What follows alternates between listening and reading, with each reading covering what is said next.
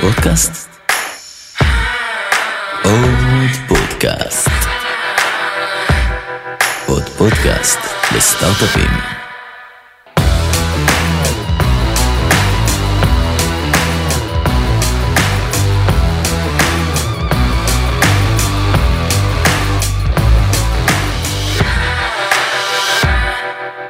אמיר, מעניינים?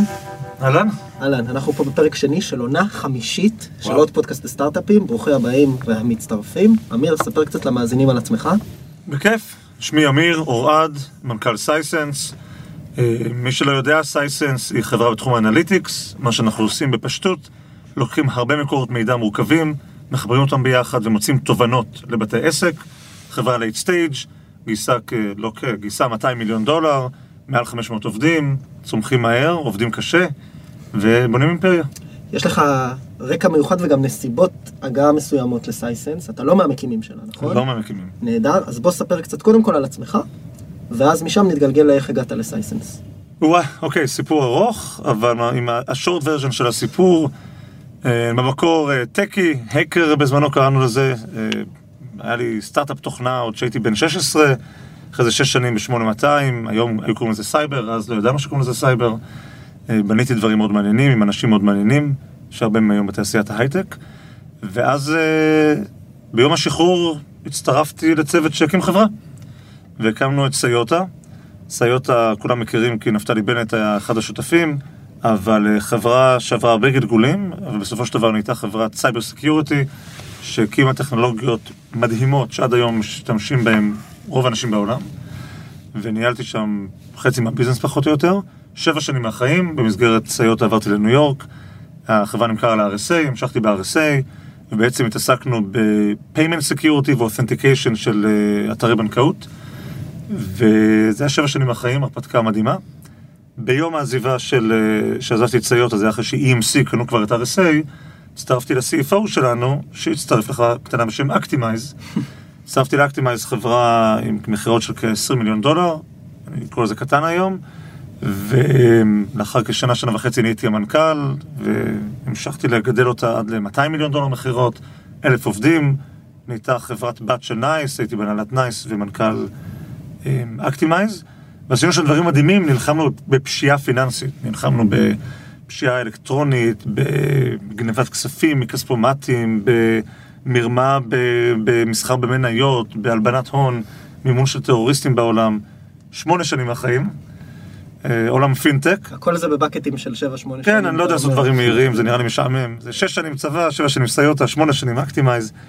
אבל בנינו את החברה המובילה בעולם בתחום הזה, היום ביזנס של 300 מיליון דולר, גם סיוטה היום ביזנס של 300 מיליון דולר. כל אחת מהחברות מעסיקות מאות עובדים ויותר, ומובילות בתחומן. ואחרי שמונה שנים מיציתי, כי, כי זה קורה, ובין לבין השקעתי בכמה חברות, עזרתי לכמה חברות, ואחרי כמה חודשים, שבהם ראיתי מלא מאוד צוותים, אה, הבורד של סייסנס הרים טלפון ואמר, שמע, יש פה חברה מדהימה, עושה עבודה טובה, אבל אה, אם אתה מוכן לקחת לשלב הבא, נשמח. אז אני רוצה לגעת, מה שנקרא, ישר אה, לאחוז את השור בקרניו, ואחרי זה אנחנו נלך קצת ברשותך, אחרי זה, אה, לתחילת הדרך, ואולי קצת אה, למסע. למסע היזמי שלך, ממש בהתחלה וכאביו, אבל בסופו של דבר אתה מקבל, זה לא טריוויאלי הסיפור הזה שבורד פתאום מצלצל למישהו מבחוץ, אומר לו, תשמע, אנחנו רוצים לקחת את החברה לשלב של צמיחה מוגברת, אתה נראה לנו ממגוון סיבות הבחור המתאים לכך. ואז בגדול, אני שנייה משתמש פה בכוונה בשפה חצי בוטה, מצניח מלמעלה מנכ"ל לחברה קיימת, עם הנהלה קיימת, עם עובדים, עם דינמיקה, איך התהליך הזה קורה ומה לא עובד בו, או עלול לא לעבוד בו. דבר ראשון, לגבי הנקודה הראשונה, אה, אני אשמח או יהיה עצוב להגיד שהיו מספר עשרות שיחות כאלה, מספר עשרות בורדים של מספר עשרות חברות בעולם, מקליפורניה לאירופה לישראל.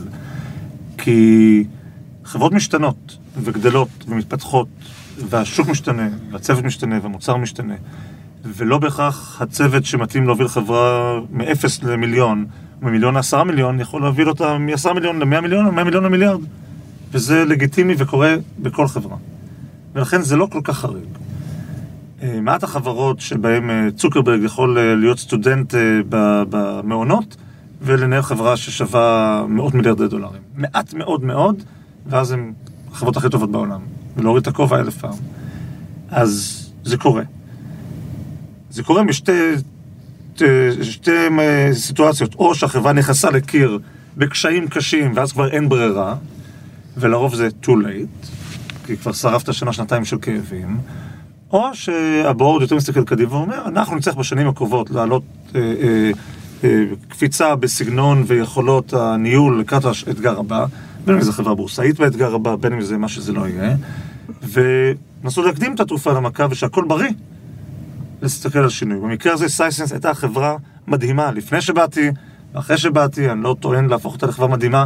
אני הצלחתי לשמר את המדהימות ולקדם אותה, אבל לא להפוך אותה למדהימה מלכתחילה. חברה מדהימה, יזמים איכותיים, בין אם זה אה, אלדד פרקש, בין אם זה גבי אנג'ו, בין אם זה אביעד הראל, היום ה-CEO של החברה, גבי אנג'ו היום ה-CTO של החברה. אה, והחברה צמחה. עמית אה, בן דב היה מנכ"ל, מנכ"ל שהביאו לעזור בזמנו מבחוץ, עשה עבודה מעולה. היום הוא הקים את גונג, עבודת חיל, בלהקים אותה למיליוני דולרים הראשונים של המכירות ולבנות את כל הבסיס של החברה. ובעצם אה, הבקשה הייתה, אמיר, אתה עשית חברות של מאות מיליונים, בוא תעזור לקפיצה הבאה. ואכן זה הפתיע אותי ואת עמית. אה, אגב, זה לא הפתיע את, את היזם הראשי, את אלדד, כי הבורד ניגש אליו וביקש שנדבר. ואם אני והוא לא היינו מתאהבים, אני לא הייתי מכניס את הראש פנימה, וזה לא היה קורה. כי... אז דיברת מוגזם. על ההתאהבות הזו. כן. יש פה מרכיב, מעבר לדינמיקה הטכנית של אה, בורד שקורה למישהו מבחוץ וכדומה, כמו שהתייחסת אליה, יש פה באמת מרכיב בין אישי. ציינת ארבעה, חמישה מייסדים לחברה, נכון? חמישה? אני טועה? כן. במקור? מהמם. אתה צריך בסופו של דבר גם להתנהל אל מולם, ובאיזשהו באיזשהו מערך, אה, מערך דינמיקה כזה, של חבר'ה שכבר רגילים לעבוד ביחד. כן, אז בואו נחלק את זה באמת לכמה חלקים. דבר ראשון, הייתה התאהבות. ואם לא הייתה התאהבות, שני הצדדים לא היו צריכים לעשות משהו ביחד. כי זה מטופש, אוקיי? הייתה התאהבות, וההתאהבות הייתה ברמות אישיות, ברמות מקצועיות, ברמות של ראיית חזון דומה, ברמות של אנרגיה והרבה מאוד רבדים. התאהבות היא לא רק בלקרוא את המספרים, אם המספרים שהייתי קורא היו נראים לי בעייתיים, זה בעיה אחרת. אה, אבל חייב להיות, חייב להיות כימיה. אתה בסוף עובד ביחד, אתה תחת ביחד, נוסע ביחד, לא ישן, שני אנשים, לא, כל הקבוצה לא ישנה. צריכים קליק חזק. אחרת זה, זה עבודה וזה לא מעניין. סטארט-אפ זה משפחה, זה לא רק עבודה. אז אתה אומר, גם ברמות האלה, קודם כל חיפשתי אנשים שאני אוהב לעבוד איתם. ברור, לפשט. אחרת מה, למה... אוקיי. פשוט מטופש אחרת. אוקיי. אמ, עכשיו, לגבי צוות מייסדים, אני פגשתי פה במקרה הזה את- היזם הראשי אמ, בשלב הזה, והיה את הקליק החזק. חד משמעית, היכולת לה- לעבוד עם צוות קיים, יזמים ולא יזמים, היא אקוטית. בטח בחברה מצליחה. מילא חברה לא מצליחה, אז אתה אומר לא מצליחה, אז כבר יש בעיה בצוות גם. חברה מצליחה, אמ, היכולת והצורך לעבוד ביחד היא אקוטית, וזה דורש הסתגלות של שני, כולם. לי יש מזל שהייתי יזם בעבר, ומנכ"ל, אז יש לי את הכובע של היזם, אני יודע כמה זה, כמה חרא אתה אוכל אה, תקופה ארוכה, וכמה זה קשה, וכמה כמעט אה, רואים, את- רואים את, ה, את המוות מתקרב בקצב מהיר, ופיטרתי... מספר- מספר פעמים. פיטרנו עובדים בחיים, ונגמר לנו הכסף בחיים, והיינו צריכים לעשות מדודות וסבתות, והלקוחות אה, לא אהבו אותנו וביטלו את המוצר שלנו. היה לי לקוח שזרק עליי ספר פעם, ליטרלי על, על, על השולחן, זרק ספר, אמר די נשבר לי. אז עברתי את החוויות האלה מספיק נראה לי ל, ל, להיות יותר מחובר לוורידים של צוות יזמים שעובד ובונה חברה, כי זה קשה. זה הכל נראה מגניב בחוץ, בעיתונות כולם אה, מחייכים, זה הרבה הרבה חצץ. אז, אז בוא, הרמת לי קצת להנחתה, כי זו הייתה השאלה הבאה שלי. אוקיי. יזמים, בסופו של דבר בפודקאסט הזה אנחנו שנייה נוריד את זה, מה שנקרא, לקרקע. מהמם. רוב האנשים ששומעים אותו, לא רוב, אנחנו מניחים או מקווים שרוב האנשים ששומעים אותו זה יזמים בתחילת הדרך, מהמם. שבאים ונמצאים ברגעים הראשונים של המיזם שלהם. והם רואים פה בחור ש... מה שנקרא, לפי מה שגם מעיד על עצמו וגם הסביבה מעידה עליו, יודע ומוכשר בלבנות חברות לצמיחה. מכניסים אותך מלמעלה, ב- אני משתמש במילותיי, לחברה שכבר מוכרת, אנחנו צריכים להגיע מ-20 מיליון דולר מכירות ל-300, מספר הזהב של אה, אמיר. וזה מה שאני יודע לעשות. ולפ... ולפעמים זה בא יחד עם דינמיקה שבה אתה נכנס לצוות מייסד קיים. אותם מייסדים שהיום מקימים את הסטארט-אפ, יש להם איזשהו תמה בראש לגבי הנחיצות שלהם והוויטליות שלהם בתוך הסטארט-אפ. מה... עכשיו זה אחד, שתיים, אתה היית גם בתחילת הדרך, הקמת את סיוטה עם קבוצה של שותפים נהדרים, חלקם הלכו ועשו סטארט-אפ, חלקם הלכו כמעט כולם הלכו. חלקם הלכו ועשו סטארט-אפ פוליטי. כן. איפה זה פוגש אותך ההבדלים האלה? זאת אומרת, בין קו החשיבה שלך כיזם בתחילת הדרך, לגבי איך הוא רואה את עצמו בחברה ואת החברה, לגבי איך אתה רואה את הדברים עכשיו, מהצד היותר עסקי, פרופשיונלי. וואו, שאלה קטנה. סליחה, אה, לא, אנחנו משתדלים לשאול בקטן. כן בדיוק, זה אפשר לעשות את כל השיחה על זה. תראה, כשאתה מקים חברה, אתה בטוח שאין עליך, ואתה יכול אה, לעבור דרך קירות, פחות או יותר. ואם לא, אל תקים את החברה. זה פשוט. ולכן בהגדרה, יזם צריך להיות בן אדם משוגע ומאמין מאוד. כי רק משוגע ומאמין מוכן להיכנס לכאב ראש הזה.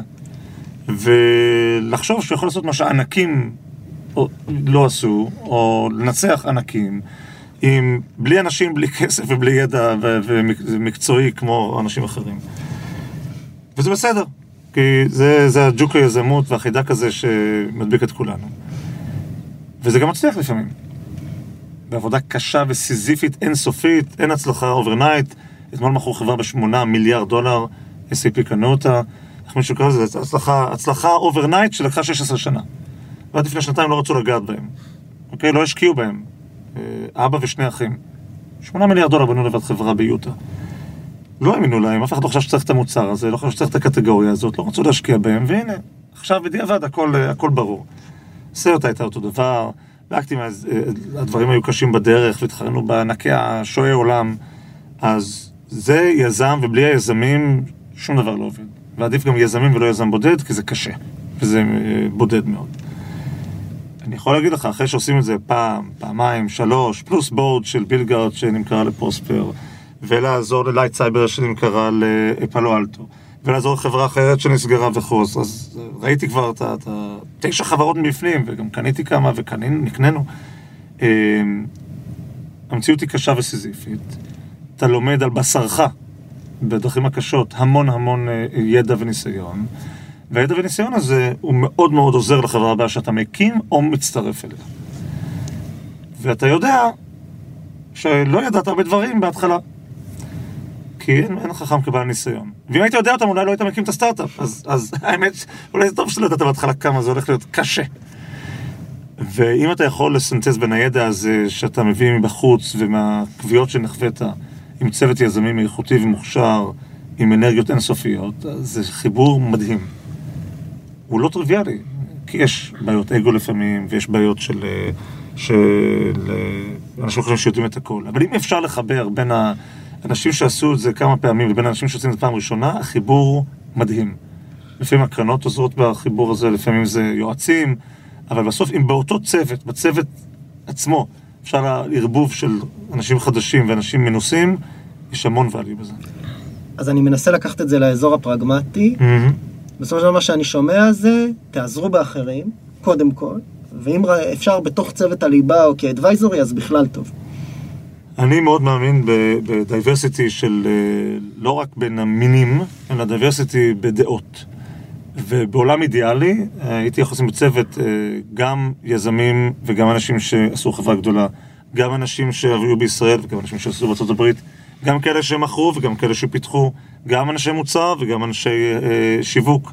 הרב, הרב גוניות הזאת היא מעשירה מאוד, כי בסטארט-אפ אתה נלחם בכל החזיתות. גם מוצר קשה, גם מכירות קשות, גם PR קשה, גם marketing קשה, גם גיוס כסף קשה, גם support קשה, גם success קשה, גם ה renewal ים קשים, הכל קשה. וכמה שאתה יכול יותר לערבב את הדעות האלה, ככה תוכל להתמודד עם הקשיים האלה. בוא נחזור עכשיו באמת לתחילת הדרך שלך, בחברה הראשונה שלך. אם אתה יכול קצת לספר... שהייתי בן- בן 16 וכתבתי קוד, או ש... לא, לא בן 16, אה, סיוטה, בסדר? חברה כן. ש- חברה לא. שלכם. כן. שלכם. מה, מה אתה, מה, כשאתה חוזר אחורה, מה החוויות שהכי שכירות לך ברמת הקשיים וההצלחות? איך אתה מתאר את החוויה הזו? מעבר לזה שבסוף האאוטקום היה חיובי, בסדר. דבר ראשון, בדיעבד היה לנו אחד מהצוותים הכי טובים שראיתי בחיים, נקודה. נקודה, וזה מזכיר כל פעם מחדש, אם לרגע אני מנסה לשכוח כמה בסוף זה מתחיל ונגמר באנשים. צוות המייסדים של סיוטה, וזה התחיל כמעגל חברים שאני הצטרפתי אליו, אה, אה, עוד יותר קטן, היינו שם בסוף חמישה-שישה אנשים, אבל זה, זה מעגל קטן שהוסיף עוד שניים לצוות הראשוני. אה, זה פשוט אנשים שכל אחד מהם תותח, תותחית. ולא סתם יצאו מ Cyota Actimize, ופוליטיקה, ו Taboola, ו Kaltura, ועוד ועוד חברות. אחת אחרי השנייה, אחרי השלישית, Trusteer מה-CTO שלנו שעבד עם ליאור, אחת אחרי השנייה. חברות ששוות ביחד מיליארדים, רבים, לא אחד או שניים. אין כאלה. צוות מדהים, וזה אני זוכר תמיד אחורה או קדימה, רף גבוה מאוד לעמוד בו. אמ, הדבר השני, שלא יעזור כמה צוות טוב, זה חרא של דבר, זה קשה, זה מסוכן, אמ, וזה לגיטימי להכיר בכישלון ולתקן בדרך, ולא לרוץ כמו עיוורים לעד. שזה מה שעשיתם בסיום. לא מכיר חברה שלא עשתה את זה, ואני אישית לא, לא הצלחתי להימנע מהדבר הזה. כשאתה רץ מהר, לפעמים אתה נתקע בפינות, ואם אתה מתחפר בפינות יותר מדי זמן, זה טעות. עכשיו, מה האתגר? מצד אחד אתה צריך להאמין וללכת בכל הדרך ולתקוע את הראש בקיר עד שהקיר יישבר, ולפעמים צריך להבין שהקיר לא הולך להישבר ולהזיז את הראש. והמיומנות הזאת לבחור בין השניים היא כמעט אה, בליבת האומנות. אה, איך להקים סטארט-אפ. על זה אני רוצה לשבת איתך. לפני זה אני רק רוצה להגיד, אם אתם שומעים פה קצת שיעולים ברקע, זה כי טומי נמצא פה, הנה הוא צחק לראשונה, אתם לא שמעתם את הקול שלו עד עכשיו, זה כאילו הפודקאסט המשותף שלנו, טומי לא מרגיש טוב. לא, אז אני הוא- מרגיש טוב, אז- שיעול טורדני. פשוט. אז הוא בשיעול טורדני, אז אנחנו שמנו אותו פה, הוא כאילו מאזין ואתם לא רואים אותו, אז הוא הוא רק נוכח. מפריע, הוא רק מפריע. בדיוק, הוא נוכח, הוא נוכח בנפשו, אז זה אחד. הוא שתיים, משתעל עליי, זה בכלל לא לעניין. כן, ועליי. לא. מדבק, אלרגיה אבל עליי אני. מבקש שהוא ישתעל. אוקיי. אז אמיר, אני רוצה לחזור לנקודה. פשוט רציתי לתת פה את הקרדיט לטומי, כי לא שומעים את הקול שלו וזה מוזר. הסיפור הזה שעכשיו דיברת עליו, אפשר לעטוף אותו באיזשהו, מה שנקרא, לפגוש את השוק, היכרות עם הלקוח, customer success, זה נושא שחוזר על עצמו כחוט השני בכל הפרקים שלנו, עם כל מישהו הוא יזם שכבר עשה דבר או שניים. כולם אומרים, לא משנה מה, השוק קובע. תן נכון. את ה- תן את ה- אז תן שנייה את הטייק שלך על זה, כי אתה נמצא היום בעולמות שבהם אתה בא לחברה, כמו שאמרת, זה כבר עובד, היא כבר מדהימה, היא כבר מוכרת. בוא ניקח אנשים אומרים. איזה קל, עכשיו אני אאיץ את המכירות. אז בואו נחשוב על זה. בסייסנס, שהגעתי, חבר'ה מדהימים, מוצר מדהים. מה שלקח את החברה בשני, בשנים הראשונות לפני שבאתי, שינינו אותו דרסטית, דרסטית, אחרי שנה, דרסטית. ואגב, גם חצי מהנהלה שינינו. ושנתיים אחרי זה, לפני כשנה, שינינו אותו דרסטית עוד פעם, ואני בכלל את פיתחתי את תזה. האסנס של המוצר. הכל. לא פיבוט, אבל ה- הפוקוס של המוצר השתנה מלקוחות קטנים בהתחלה ללקוחות בינוניים, ועכשיו לקוחות בינוניים ללקוחות גדולים. והתמחור של המוצר השתנה, והתחרות שהתמודדנו איתה השתנתה, והמקומות בשוק השתנו. ולי יש תזה שפיתחתי עם השנים, שזו חברה מצליחה, כל שנתיים ממציאה את עצמה מחדש. ובואו נסתכל מבחוץ. חברה מצליחה, קרא לה, הוא, לא יודע, פייסבוק. היא לא הייתה עושה את המעבר למובייל, הייתה מתה. אוקיי? בגדול, סטארט-אפ יכול למות בערך כל שבוע בהחלטות לא טובות שהוא עושה, ובדיעבד אתה רואה צמתים קריטיים, בדיעבד. אם פייסבוק לא עוברת למובייל, הייתה מתה. אם פייסבוק הייתה עוברת מרק אוניברסיטאות, לפתוח את זה מחוץ לאוניברסיטאות, לא הייתה עושה את זה, הייתה מתה. כנראה שאם לא הייתה עוברת לקליפורניה, יש דעות חלוקות, היא הייתה מתה. אם הוא לא היה מביא את שריל, הוא היה מת. תסתכל על גוגל, אוקיי? גוגל בא, אם לא היו מביאים את אריק שמיט, הם היו מתים. וגוגל שלא השכילו אה, לעשות מוניטיזציה ל search היו מתים. וגוגל שלא עשו את המעבר אה, וקנו שם את DoubleClick ומעבר בכלל ל AdWords. אה, לא, יש שם שני דברים. אחד. זה מוניטיזציה, ואז ה- ה- לעבור מרק טקסט לעוד דברים היו מתים. ואם אם לא היינו, אם הם לא היו נכנסים לאנדרואיד, היו מאבדים את כל השוק של המובייל. גוגל היו מתים היום. ואותו דבר, פייסבוק, והרבה מאוד חברות. אז מה שנראה מחוץ להחלטות קלות, יהיה כל כך קל למות בדרך, כי השוק הטכנולוגי משתנה יותר ממה שהאנושות מכירה. זה המציאות. אוקיי? ואיך אתה מיישם את זה ביום יום? איך אתה כמנכ"ל אז דבר ראשון, אני... קם בבוקר ו- ובודק את השוק? לא, דבר ראשון, אני קם בבוקר בחרדה אינסופית.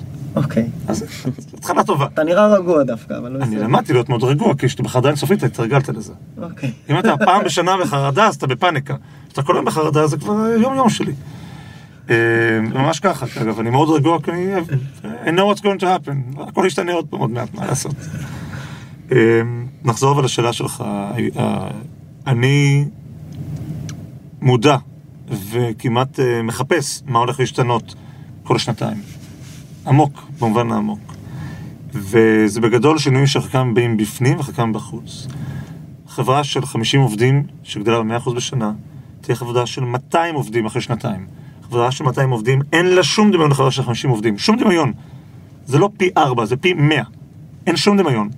אגב, חברה של שני עובדים מול 50 אין שום דמיון. וחברה של 200 ל-1000 אין שום דמיון. כל שיטת הניהול, שיטת התקשורת, המבנה הפיזי, המבנה הארגוני, משתנה. זה שינוי שבא מבפנים. שתיים, חברה שמצליחה לרוב צריכה לבחור אם היא עולה upmarket או נשארת ב market שהיא נמצאת בו. אוקיי. בגדול, היסטורית, אם תסתכלו על חברות, הן עולות upmarket. מה זה אומר לעלות upmarket? שאתה הולך ללקוחות יותר ויותר גדולים, שהם יכולים לשלם יותר ויותר כסף, כי ה-value שלך הולך וגדל. בהתחלה אתה חודר, אתה לא יכול לחדור ללקוחות הגדולים, כי הם לא זורקים עליך.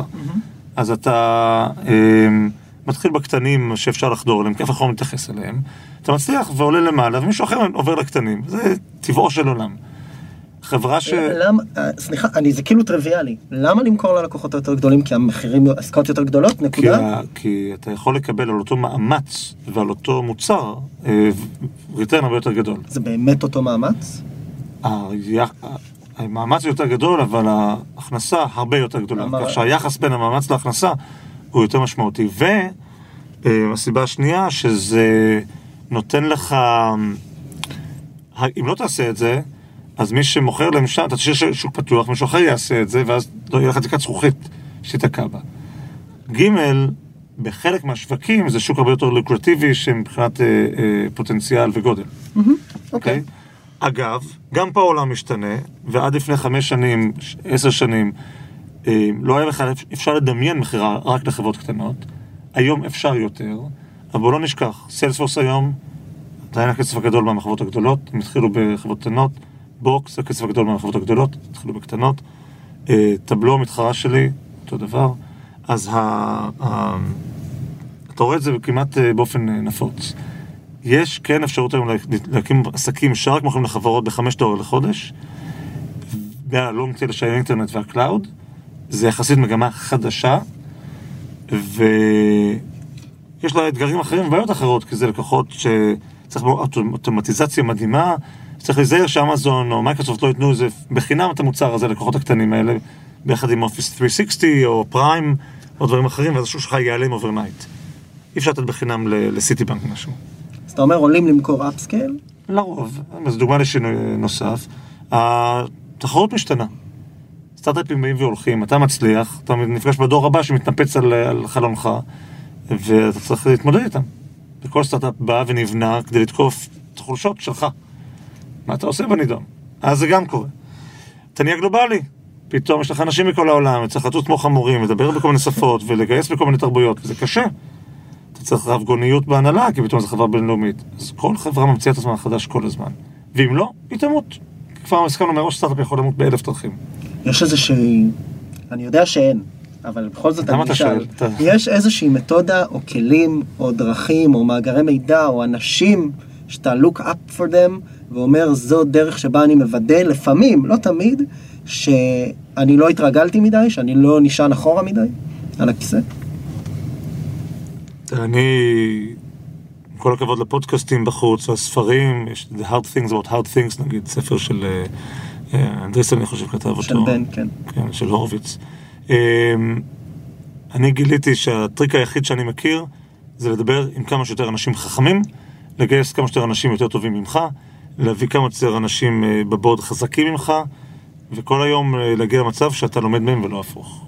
אין, לא מכיר דרך אחרת, לא מאמין בדרך אחרת. אני, סתם דוגמה, הבאתי עכשיו ל board לפני חודשיים, הוספתי ל board את ה-CAO של Zendesk ושל Duo Security, שתי חברות שנמכרו במיליארדים, ולפני זה הוא היה, הקים חברת database ים, ולפני זה היה ב board, והוא פרופסור באוניברסיטה ו... וכו'. לא ילד. למה? כי אני יכול ללמוד משהו. ובסייסנס אני מנסה בכל הכוח להוסיף לחברה, לא רק בהנהלה, בכל הרמות, אנשים סופר סופר סופר איכותיים, שיגידו לי שאני טועה, שיגידו לי שאני עושה שטות, שישימו סימן עצוב ויגידו, אמיר, אתה... בוא נחשוב פעמיים. בסוף המנכ"ל מחליט, אוקיי? אה, אבל אם אתה מוק- מוקף באנשים שאומרים לך, כן אדוני, כל הכבוד, זה, זה לא מעניין, זה לא פרודקטיבי, ואתה תתאהב בעצמך ולא תצליח. מעולה. אז עם הנקודה הזו, שוב הרמת לי להנחתה, אני רוצה לדבר על סייסנס. זה כל ה... אתה רואה שאנחנו משחקים פה משחק יפה. אני רוצה לדבר על סייסנס קצת. אמ, אתה נשאל על זה הרבה, גם ברעיונות אחרים, לא רק על מה היא עושה, אלא על מה מבדל אתכם, כי אתם בסופו של דבר נמצאים בשוק יחסית תחרותי. מאוד תחרותי. אז בוא נדבר על זה קצת. איך סייסנס מצליחה להתבלט כמובילת שוק בתחום כל כך תחרותי? דבר ראשון, בתחום, כל חברה צריכה לבחור האם היא נכנסת לתחום לא קיים, מייצרת אותו, בונה אותו ומובילה אותו. זה אגב מה שעשינו בשתי החברות האחרונות שהייתי בהן. ו... אמ, ואז יש בעיות אחרות של גודל שוק וחינוך שוק וכדומה. או ללכת לשוק קיים וגדול ו- to dis- disrupt it, כן? שוק הרכב, לדוגמה, עם טסלה. כן. אה, שוק הסרצ' עם גוגל, היה קודם, שוק ה-MP3 עם, ה- עם שוק הטלפונים, עם האייפון. וכשאתה עושה את זה, אתה צריך לבחור משהו שתהיה הכי טוב בעולם בו. כי אם לא יש שום דבר שאתה הכי טוב בעולם בו, אתה רק טיפה יותר טוב בהרבה דברים, אז זה לא מעניין אף אחד. לא, לא, אין לך זכות קיום, אין לך אה, בידול. להיות being better is not enough. You need to be different. זה מאוד מאוד שונה. וזה קשה מאוד. מספיק בדבר אחד או שניים להיות different בשוק גדול, לא צריך במאה דברים. סייסנס זיהתה שיש הרבה פתרונות מעולים למידע פשוט. אה, פעם היה Excel, היום יש Tableau, מייקרוסופט, לוקחים מידע טיפה פחות פשוט, מתמודדים אותו יפה. אבל כשמידע נהיה מורכב לאללה, הם הצרכים שתביא ערימות של אה, מהנדסים וצוותי IT, תבנה שם מפלצות ו- וזה כבד. ואז התעוזה שלנו, התעוזה הישראלית הידועה והחוצפה הישראלית, אמרה, אנחנו נבנה כלי פשוט באותה מידה שמתמודד עם מידע מאוד מורכב. ואת זה נהיה הכי טובים בעולם, בקומפלקס דאטה. אז זה הטענה לכתר. לא יותר טובים, שונים לחלוטין. מה שאי אפשר לעשות עם אחרים, אפשר יהיה לעשות איתם. לא מידע פשוט, מידע מורכב. כן. אפשר ל- לבאר שנייה את ההבדלים? עבור כן, המאזין, מסתבר, עבור המאזין הפשוט. מסתבר שכל העולם מדבר על ביג דאטה, נכון? אבל מה שקרה בעולם בשנים האחרונות, שיש דבר שנקרא wide data, יש הרבה מקורות מידע. כל חברה שאני פוגש, כולל, ואני לא מגזים, פיצריה, מתמודדת עם מלא מקורות מידע פתאום. יש לה מידע על דמוגרפיה של לקוחות שבאים לחנות, ומידע על מבקרים באתר, ומידע של ה inventory שלה, ויש לה Google Ad שהיא שמה באינטרנט, ויש לה פייסבוק visitors, יש לה מידע על ה... על ה בדרך כלל החברות האלה היום, חיישן בחנות שלפי הפלאפונים וכו', דמוגרפיה של מי שנכנס, יש לה סקרים ב Yelp וכו', על כמה אנשים אוהבים לאכול במסעדה, היא יודעת מי באזור שלה מושווה אליה ומי יותר טוב ממנה, מלא מקורות מידע. מה עושים עם כל המידע הזה? נגיד שהפיצריה המסכנה רוצה לשאול שאלה פשוטה. אני רוצה לזהות באנשים שמגיבים, מה, מה ה overlap בין אנשים שמבקרים באתר שלי ונותנים ביקורות טובות לאנשים שבאים לחנות. שאלה פשוטה. בהצלחה. אז המשמעות היא לקחת, תנסה את זה? אז המשמעות היא לקחת מספר מקורות מידע שונים, לערבב אותם ביחד, בלי לעשות. פרויקט ענק של טכנולוגיה שייקח עשור. מה שנקרא לייצר איזושהי שכבה מעליהם שמאפשרת לשאול על- עליהם שאלות. נכון, ועד היום הדבר הזה לקח עבודה אדירה של אנשי IT, ואנחנו מונעים את הדבר הזה. מה זה נותן לך? נותן לך גמישות מאוד מאוד גדולה במהירות שימוש, והיכולת להטמיע טכנולוגיה הזאת במוצרים שלך. לדוגמה, אקספידיה, חברה קטנה, אתם מכירים? לא, בוודאי. כל כרטיסים. היום אה, אה, כל האנליטיקס, שהם אנשי עסקים, שחברות אה, קונות מהם שירותי תעופה, כל ה analytics על מה הם עושים, איך הם עושים, מול אחרים, benchmarking, איכות, פאטרנים, טרנדים וכו', רץ על סייסנס. לשימוש פנימי של לא, אקספידיה? כל הלקוחות של אקספידיה נהנים היום מסייסנס. כל הלקוחות של נסדק, כל אה, מנהל כספים של חברה בורסאית היום, משתמש, ב, הוא לא יודע, אתה משתמש בסייסנס דרך נסדק לנתח שמונה מקורות מידע וזוויות שונות על מי סוחר במניה שלו. כמה מקורות מידע זה יותר מדי? יות- מה, בהקשר הזה? כן. החל מ-3, 4, 5 זה מתחיל להיות מסובך, 20 זה בלתי אפשרי אה, בלעדינו, 50 זה מישהו ישתגע. יש לנו לקוחות מכל הסוגים האלה. אנחנו המנוע של פיליפס לכל המוצרי MRI שלהם, של GE למוצרי הבריאות שלהם, אה, ולקוחות בארץ, אוקיי? וויקס הוא אחד מהלקוחות הראשונים שלנו לשימוש פנימי של אה, ניהול החברה, חברה שאתה מערכת מהר, צריך לראות marketing, sales, finance. נשמע לי שיש כל כך הרבה use cases, כל כך הרבה דוגמאות ממשיות, שלא ברור למי אתה מוכר תמיד. או, חלק מהאתגר. אז למי אתה מוכר, צריך להגדיר למי אתה מוכר, אפשר להגיד למוכר ל- ל- לכולם. אז אנחנו בחרנו את הפרסונה, שזה אותו ביזנס uh, אנליסט זה נקרא. זה בן אדם uh, מוכשר וחכם, אבל אין לו צבא של מהנדסים מאחוריו, מאחוריה. Uh,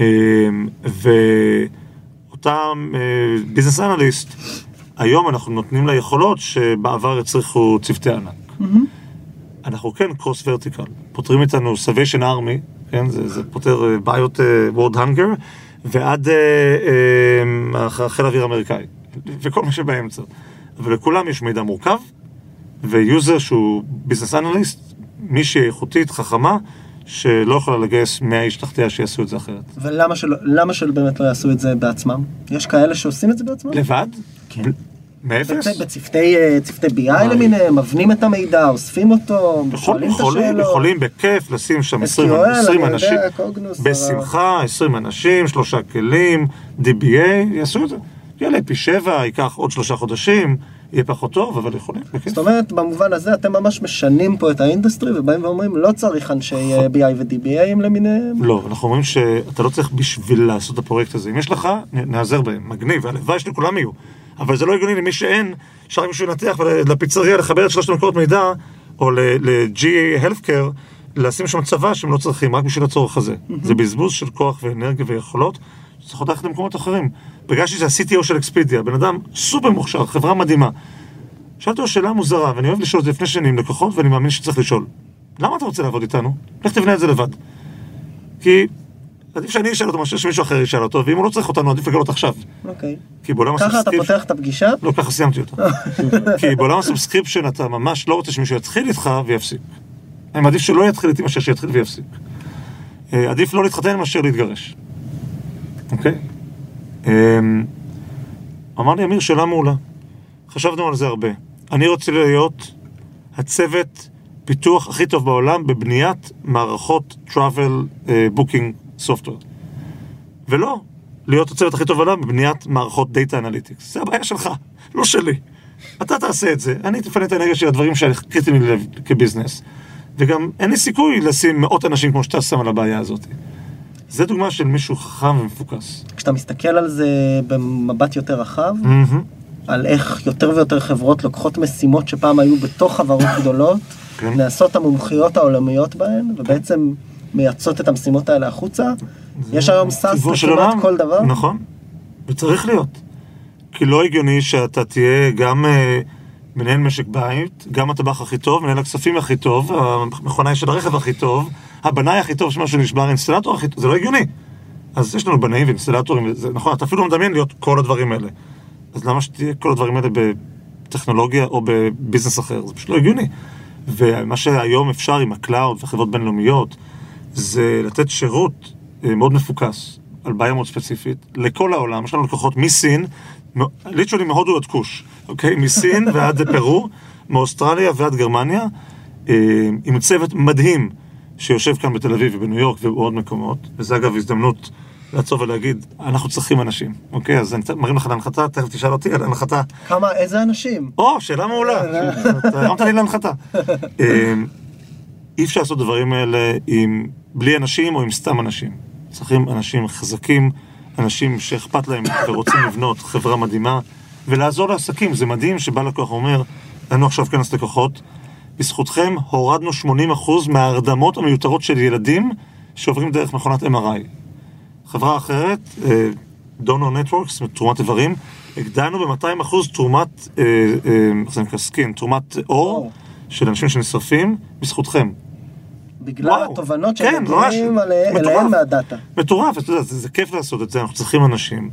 יש לנו מאות משרות, לא מאה, מאות משרות פתוחות, זה לא הגיוני.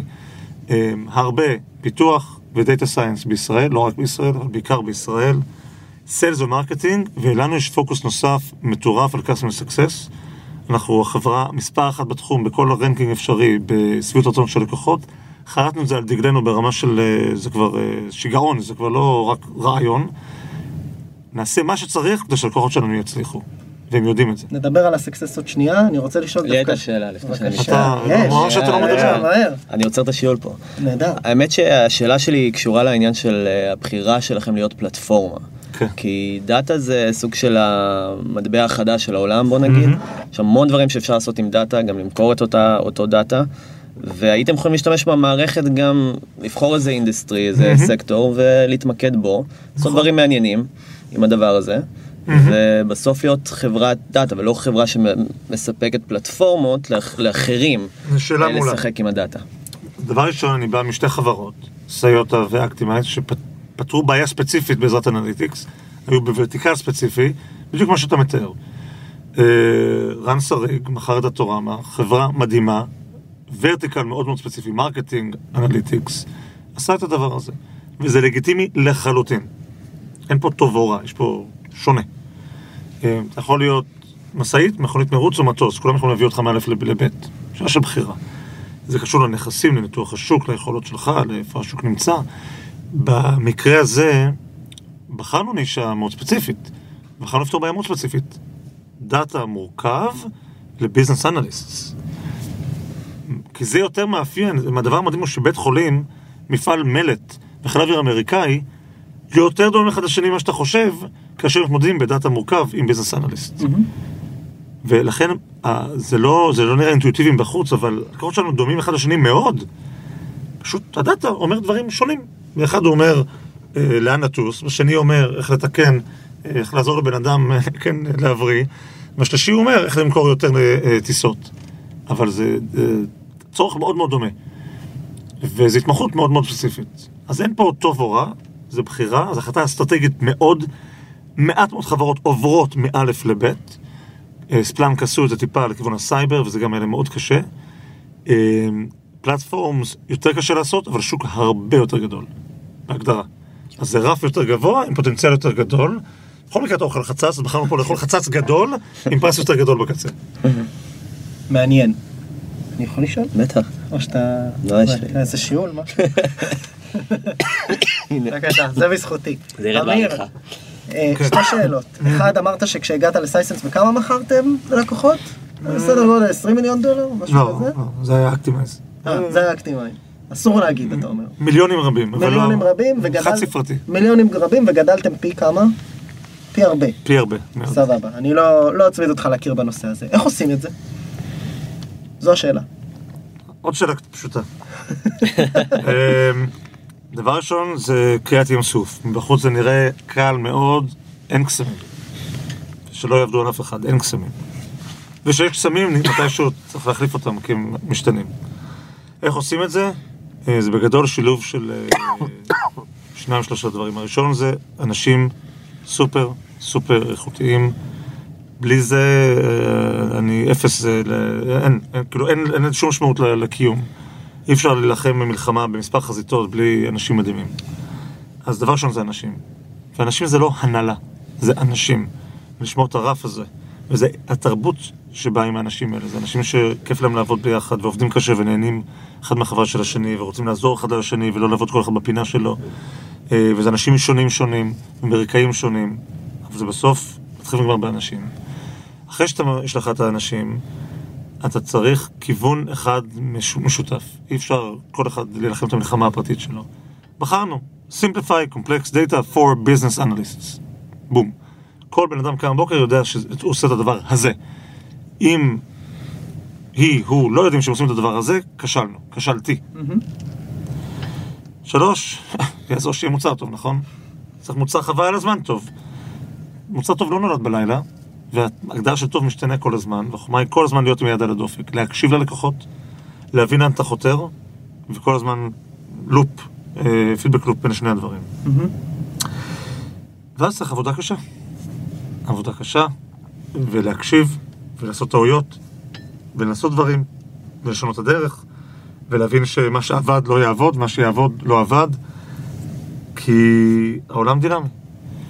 ואם אתה מערבב אנשים חזקים, טכנולוגיה טובה, פוקוס לכיוון אחד מאחד, עם uh, עבודה קשה ויכולת להקשיב ולהשתנות, דברים טובים קורים. כמה אנשים אתה מנהל? בסייסנס? 500 בערך. 500. איך אה, מנהלים כל כך הרבה אנשים?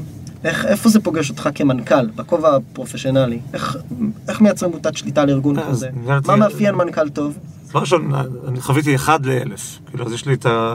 את הפרספשן. כן, רוב האנשים אגב מגלים שיש להם אזור שמאוד נהנים ממנו וטובים בו, וזה מאוד אישי, אין, אין, אין אזור יותר קל מהשני. שלושה אנשים לפעמים קשים יותר מאלף אנשים, וכל אחד יש לו את השיגעונות שלו. אה, אני איש מוזר שאני נהנה ועושה כנראה טוב גם את ה-20 אנשים וגם את האלף איש, אה, בדי- בדיעבד עד עכשיו. אתה צריך להיות כמו זיקית, להתאים את עצמך לסיטואציה.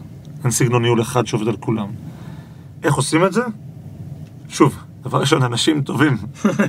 כי אם אתה... זה גם פה מנהיגות שלך ושל הצוות שלך, וגם התרבות של החברה. אם יש צוות מנהיגות איכותי ושורה בהלימה אחת את החברה, הרבה יותר קל להוביל חברה לנחלה. אם יש מסר אחד שכולם, סיפור אחד, או חל- מוזיקה אחת שכולם רוקדים לפיה, הרבה יותר קל. אני מאוד מאמין לעבוד בצורה פתוחה יחסית. אני עושה טעויות, אני מדבר על הטעויות שאני עושה. אם אנחנו מפשלים, אני אומר פישלנו. אם אנחנו מצליחים, אני אומר הצלחנו, אבל פישלנו פה. אני לא מתמקד על איפה פישלנו. אמ, כי, כי זה האמת, וצריך לדבר על זה ולתקן כל היום.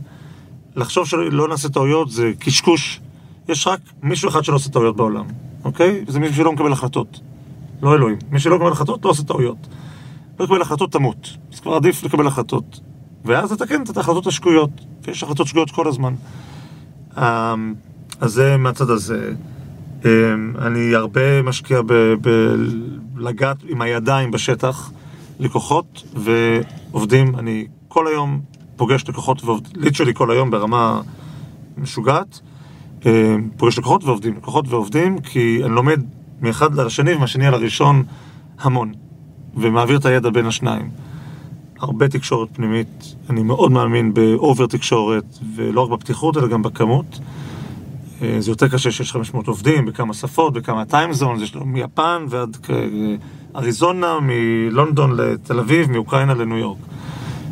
אקטימה זה היה 15 משרדים, עוד קנינו ארבע חברות, זה היה כבר בלאגן. כמה שיותר תקשורת. כמה שיותר תקשורת. כי שוב, אם יש לך אנשים טובים, כל מה שאתה רוצה שהם ידעו לאן לרוץ ומה אנחנו צריכים לעשות, והם כבר יעשו את הדבר הנכון. אבל איך הם ידעו את זה אם לא תגיד להם? ואם כל אחד יגיד להם משהו אחר, בכלל, אתה, אנשים טובים. זה הדבר הכי מסוכן, זה הרבה אנשים טובים שכל אחד עושה משהו אחר, כי, זה, כי הם טובים, אז הם יגיעו למקומות שונים. אז אין פה איזה קסם אחד, אבל זה בעיניי, בסוף אלה ה-key key focus areas.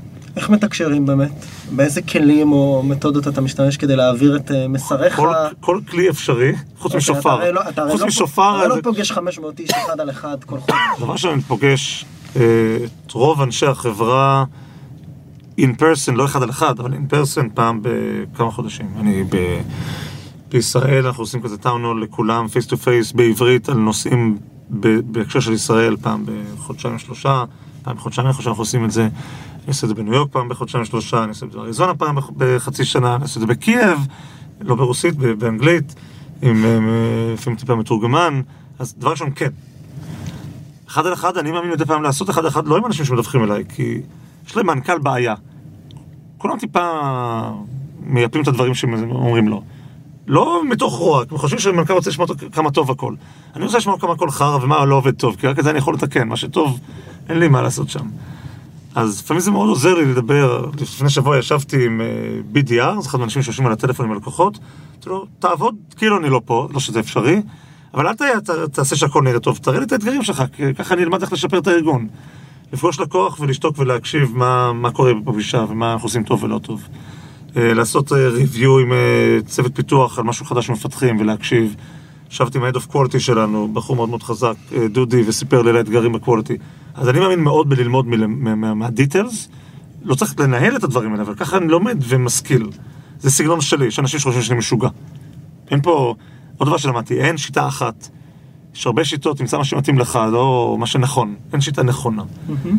אז הרבה תקשורת כזאת, ופעם ברבעון, כמו מכונה, שיחה גלובלית, 500 איש על הקו, עם וידאו, עם הפקה שלמה מסביב שזה יעבוד אחר הזה, כי הטכנולוגיה מסובכת, ומצגת שלי... סטארט-אפ הבא יהיה וידאו לא, זה לא עובד, אין סיכוי. אין סיכוי כבר לטכנולוגיה הזאת, video conferencing, אני כבר הפסקתי להאמין. אמ, ירוק, צהוב, ירוק, אדום, אה, ומה ש... bad, good and ugly, או good, bad and ugly, להראות מה עשינו ברבעון, איפה פישלנו, מה צריך לשפר, מה ה-key focuses לרבעון הבא, מספר לקוחות שזכינו, טיפה מספרים, אה, כל החברה בשפה אחת, לחזק את החיבור הזה. אה, הדבר המגניב שיש ב Sisense, באמת חבל על הזמן, יש לנו פייסבוק group פנימי, אקטיבי בטירוף ברמה של uh, מספר פוסטים ביום, לא top down, אנשים שמים, היי, פגשנו לקוח מגניב ונוסיף עם הלקוח, למדנו שלוש שלוש תובנות, הנה. היי, הייתי, תכף נעשה סלפי, אני אגיד, הנה, הייתי פה בזה, תשמעו פודקאסט, עוד מעט תהיה ב web. היי, חזרתי, דוגמה אמיתית, אה, לפני שבוע פגשתי את ה president של נסדק, אה, לקוח שלנו, כל הכבוד לצוות א', ב', ג', עשיתם עבודה מדהימה, ממש אוהבים את המוצר שלנו. אה, היי, אני מכנס לקוחות, הנה מרצה שהציג, הנה קליפ של המצגת שלו. כל הזמן. זה אחד הדברים הכי מדהימים שראיתי, זה פייסבוק רגיל, זה לא הגרסה B2B, ניסינו אותה, היא הייתה על הפנים, אבל זה היה לפני שנתיים. אקטיבי בטירוף, אנשים נוסעים לחופש עם חולצת Sisense, תראו, אני ב... ממש מגניב.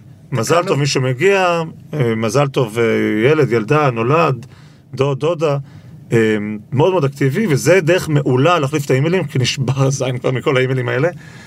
ואז כדי לבלבל את כולם, יש לנו גם סקייפ ווואטסאפ, אבל זה יותר בגרופים. Slack, סקייפ, וואטסאפ, זה כבר לגרופים קטנים. ברור. אבל זה הדברים הגדולים, כפי שאתה רואה, המון תקשורת. אי אפשר 500 איש שרצים מהר וגדלים מהר מאוד באימיילים מדי פעם, זה לא עובד. שאלה אחרונה נראה לי אני אשאל אותך לסיום. הביאו אותך ל Sisense לפני כמה זמן? שלוש וחצי שנים. מתי תצא משם ומה יהיה ה outcome כשזה יקרה? לא, לא, אני לא מתחיל דברים במטרה ל- לחשוב מתי אני אסיים אותם. זה- אני- אני בטוח שלא, אני- אתה מבין את הכוונה. אני מאוד לסייסנס, נהנה, מאוד מאוד נהנה ומאמין שיש פה הזדמנות להקים חברה גדולה ומשמעותית. ואני אגיד את זה מסיבה לוגית ולא לוגית. לוגית, הביזנס, השוק שאנחנו נמצאים בו הוא שוק של 30, 3-0, 30 מיליארד דולר בשנה. רובו, אה, מי שעובד אה, ומשרת אותו, זה חברות גוססות. קוראים להם Business Objects, ו Cognos של IBM, ו Oracle BIEE, ו MicroStrategy. אין להם, רובן לא יהיו פה. או כל יום נהיות יותר ויותר קטנות. הם רוב השוק. זאת אומרת שרוב השוק זה מתפנה. ובנוסף הוא גדל כי כל חברה בעולם צריכה עזרה. כל חברה בעולם, לא מדי פעם, כל חברה בעולם. אז יש פה הזדמנות אינסופית. זה הצד האנליטי. אנחנו מקום טוב, Gartner שם אותנו, וגרטנר זה לא אלוהים, אבל שם אותנו בדירוג שלהם, זה מה שנקרא MQ, זה ה-Magic Quadrant, זה הדירוג שלהם של השוק. היום שם אותנו במספר 4 בכל השוק הזה, לפני Salesforce, לפני SAP, לפני IBM, לפני Oracle, לפני MicroStrategy, לפני אה, SAP. לא רע לסטארט-אפ אה, אה, קטן. אז יש פה הזדמנות אדירה. עכשיו, ברמה האישית, אני מאוד נהנה אה, לראות איך הצוות מקים במו ידיו, בעבודה סיזיפית אומנם, מקים דבר שכמו במקומות הקודמים שהייתי בהם, נשאר לנצח. תראה, בחברה הראשונה שהייתי בה, המצאנו דבר שנקרא Risk-Based Authentication. זה האותנטיקציה שאתה הולך לאתר, אומר לך, אתה נראה מוזר טיפה, מחשב מוזר, נשלח לכם הודעה, קוד טלפוני. זה המצאה של סיוטה, השם שלי על הפטנט, לפני 19 שנה. שמע, זה כן, 18 שנה, שנת 2000, 2001. כל העולם משתמש בזה היום, שינינו את העולם. שינינו את העולם, אוקיי? שיהיה ברור, זה שינה את העולם הפטנט הזה. analytics וסייבר, דבר מאוד מעניין. אה, היום ב Actimize כל טרנזקציה שנייה בעולם הבנקאות עוברת דרך Actimize. מדהים! אני מעביר כסף אשראי, אני יודע מאחורי קלעים Actimize. קונה מניה, Actimize. מעביר כספים, Actimize. אותו דבר, אין שום סיבה שלא יהיה ב Sisense. וה, וה...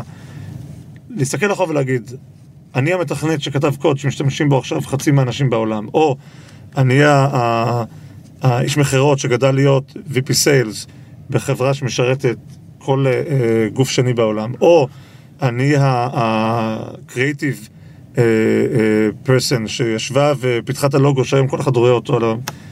זה, זה חוויה מדהימה שאי אפשר לשכפל אותה. תחושת סיפוק אינסופית, ואגב, נותן לאנשים קרייר אופורטוניטי מדהים, וזה דגש מאוד גדול. אני עבדתי עם אנשים, בלי שמות, אבל אנשים, ש... מישהו שהיה איש ביזדה, והיום מנהל 600 מיליון דולר ריג'ן בחברה בורסאית. זה כיף לראות אנשים גדלים, כי בחברה שגדלה מהר יש הזדמנות לאנשים איכותיים לגדול. מהר. אנשים לא איכותיים לא, ואנשים איכותיים בחברה שלא זזה גם לא. ואנשים איכותיים בחברה שגדלה מהר זה, זה הזדמנות לכל החיים. אז מכל הסיבות, ה- נקרא לזה אישיות, שווקיות, מספריות, יש פה הזדמנות, אם זה יהיה עשור, חמש שנים, שבע שנים, או, או אלף שנה, אנא ערף. כל עוד אפשר לבנות, אנחנו פה. אמיר, תודה רבה. בכיף, תודה, אמיר. תודה, ותפסיק להשתעל. בשיעור.